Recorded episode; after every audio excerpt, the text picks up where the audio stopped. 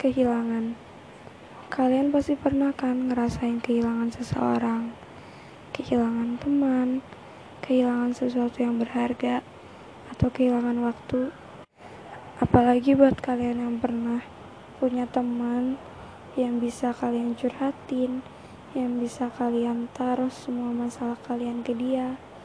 Terus dia kasih saran Terus dia kuatin kita dan sakit banget kan pas dia ternyata hilang.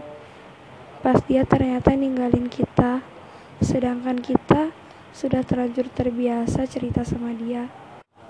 Dulu gue selalu berpikir kalau gue kehilangan seseorang yang bisa nyemangatin gue gue kehilangan seseorang yang bikin gue bangkit. Tapi sekarang gue mikir kalau gue sebenarnya kehilangan diri gue sendiri gue kehilangan diri gue yang bahagia Gue kehilangan diri gue yang bersyukur. Gue kehilangan diri gue yang bisa nyemangatin. Gue kehilangan semua yang ada di diri gue. Padahal nyatanya yang bisa nyemangatin, yang bisa bikin diri kita bangkit, itu cuma diri kita sendiri. Orang lain cuma bisa dengerin kita cerita, dengerin semua masalah kita, ngasih saran ke kita, dan bilang kalau lo kuat, lo pasti bisa bertahan. Kalau lo capek lo boleh istirahat, tapi gue selalu ada buat lo. Padahal nyatanya yang bisa bikin kita masih hidup sampai sekarang itu cuma diri kita. Karena diri kita masih kuat nahan semuanya. Karena kita yang masih mau bertahan sampai sekarang. Tahun ini gue banyak kehilangan semuanya. Gue juga kehilangan orang lain. Gue juga kehilangan teman-teman gue. Gue kehilangan semua yang udah bikin gue bahagia. Gue kehilangan diri gue. Dan gue yakin gak cuma gue yang saat ini lagi kehilangan.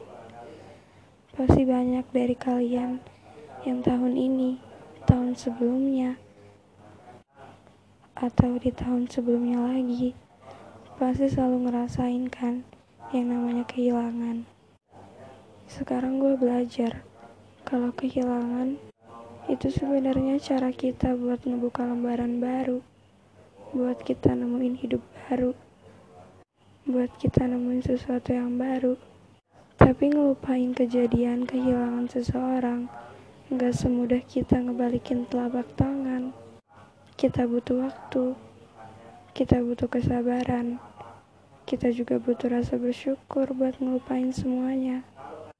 Kehilangan itu rasa sakit yang bikin kita belajar dewasa, yang seakan bikin kita bersikap sabar dan kuat.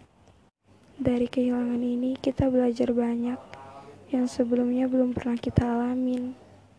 Jangan pernah lupain di mana kalian ngerasa kehilangan, karena itu sebuah pelajaran untuk ke depannya.